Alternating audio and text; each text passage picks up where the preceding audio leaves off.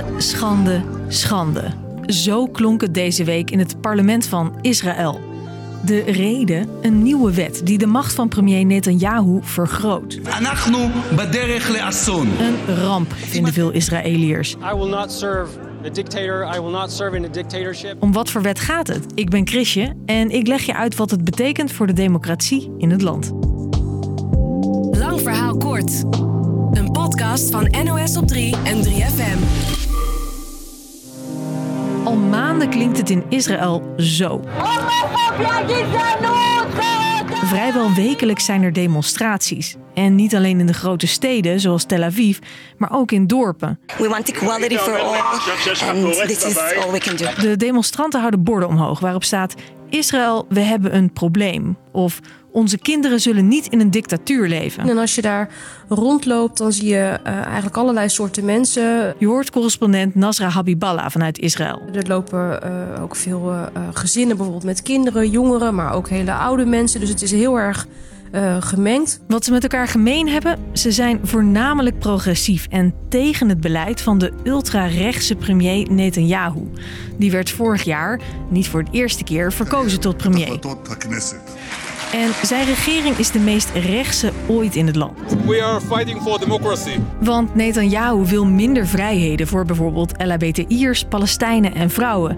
En dat pikken veel Israëli's niet. Mensen zijn boos eh, omdat ze vinden dat de Israëlische regering met die nieuwe wetten, die hervormingen die ze willen doorvoeren, de eh, democratie beschadigt. Kijk, in Israël is er een hoge rechtshof dat checkt of een nieuwe wet wel redelijk is. Is dat volgens hen niet, dan gaat de nieuwe wet niet door.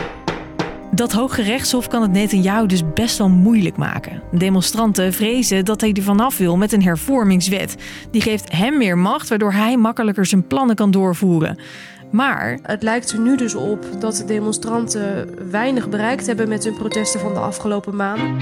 fast forward naar deze week. Het parlement stemt over die zogeheten hervormingswet.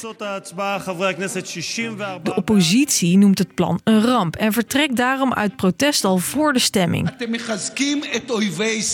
Einduitslag 64 stemmen voor, 0 tegen. Dus waar de demonstranten al maanden voor vrezen, is nu werkelijkheid. Oké, maar waarom is juist deze wet zo'n big deal? Nasra? Het is in Israël zo dat eh, het land geen grondwet heeft. De enige die de Israëlische regering kan terugfluiten is het Hoge Rechtshof. Deden ze de afgelopen jaren ook al een paar keer. Bijvoorbeeld toen de regering een minister wilde benoemen die was veroordeeld voor fraude en belastingontduiking. Toen zei het Hoge Rechtshof: Dat eh, vinden we niet oké en dus blokkeren we dat besluit. Alleen is dat nu verleden tijd. Die nieuwe wet verkleint de macht van het Hoge Rechtshof, waardoor de regering kan benoemen wie ze wil. Maar ze kunnen bijvoorbeeld ook makkelijker juist weer mensen van hun post ontslaan. En daarmee ja, worden ze dus een stuk machtiger. Die toegenomen macht is vooral slecht nieuws voor mensen die er progressievere denkbeelden op nahouden dan de regering van premier Netanyahu. Want dit geluid It doesn't matter if it's Jew, if it's everybody is equal. hoor je niet in de Israëlische regering. Sommige ministers willen dat bedrijven mensen uit bijvoorbeeld de LHBTI-community kunnen weigeren. Dat de eigenaar van een hotel dan eh, tegen een homostel zou mogen zeggen: Nee, ik wil jullie niet in mijn hotel hebben, eh, want ik ben het daar volgens mijn religie niet mee eens. Maar ook vrouwenrechten staan op het spel. Any rights that women have achieved have been through the Supreme Court. Ja, de regering wil bijvoorbeeld het discrimineren op basis van gender uit het strafboek halen, vertelt het Center for Women's Justice. Meaning that it will be legal to discriminate against women. Maar nog even, als het Hoge Rechtshof besluiten kan terugdraaien, geldt het dan niet ook voor deze wet? In principe heeft het Hoge Rechtshof de, de mogelijkheid, de tools wel om eh, deze wet terug te kunnen draaien. Alleen is het maar de vraag of ze dat durven. En het zou voor het eerst zijn in de geschiedenis van Israël dat het Hoge Rechtshof dan zo'n grote stap neemt. Afwachten dus. En tot die tijd leven veel Israëliërs tussen hoop en vrees. Uh, I'm worried and I'm, and I'm scared. Dus, lang verhaal kort.